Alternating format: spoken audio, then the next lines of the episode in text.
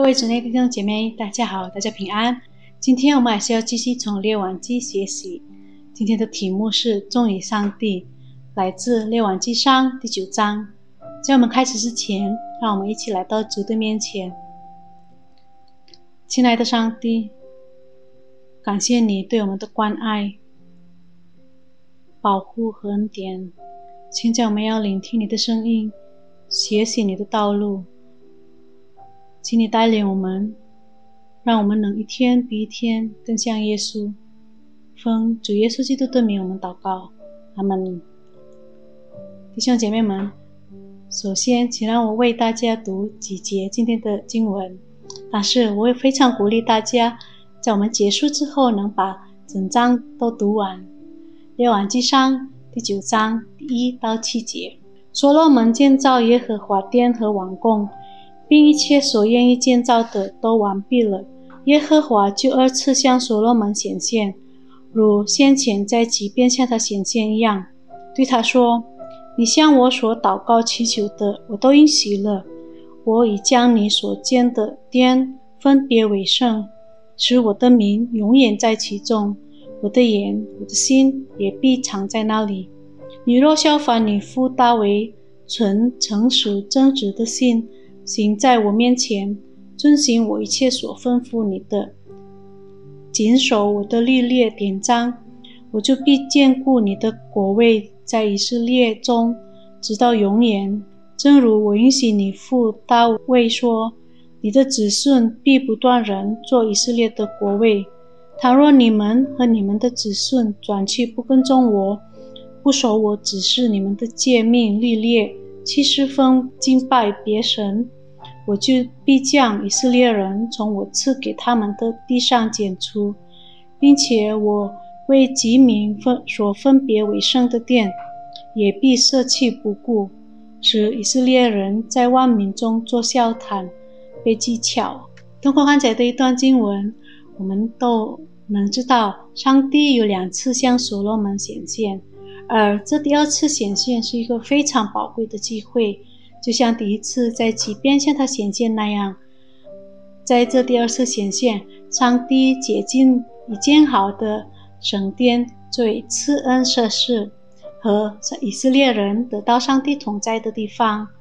上帝也再次向所罗门王保证，如果他像他父王大卫那样生活，他必将享受上帝的祝福。但是后来，谈话的气氛变成紧张起来了。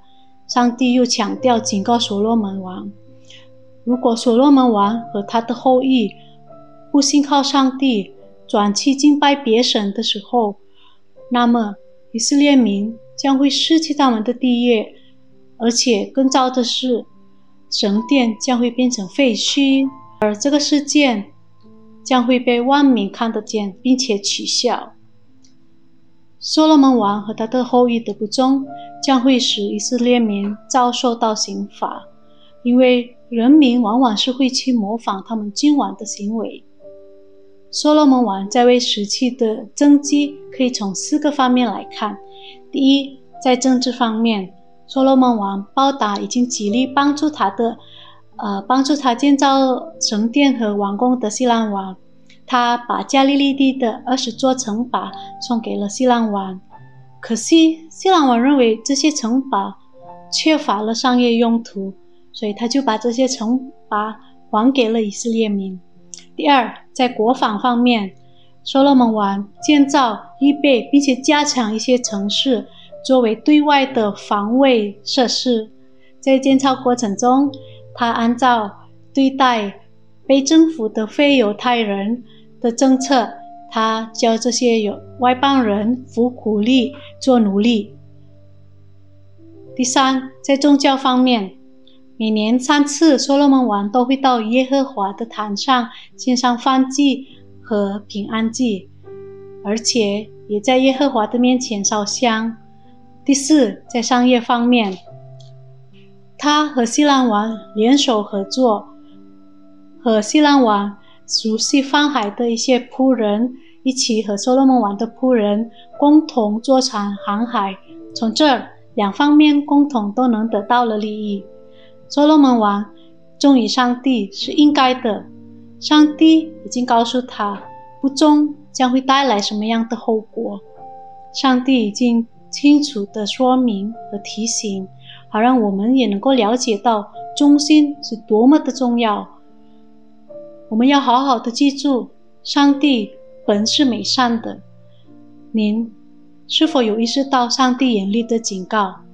有可能在这些警告里面的威胁，让我们感到非常害怕。其实，这些都是按照上帝的美意赐给我们的恩典。各位弟兄姐妹，希望通过今天的读经，能提醒你和我对上帝更忠实，不要受这个世界的诱惑。我们一起低头祷告：良善和忠实的上帝，感谢你的忠实。在我们一生中，那么信实的爱着我们，在我们离弃你的时候，你仍然对我们不离不弃。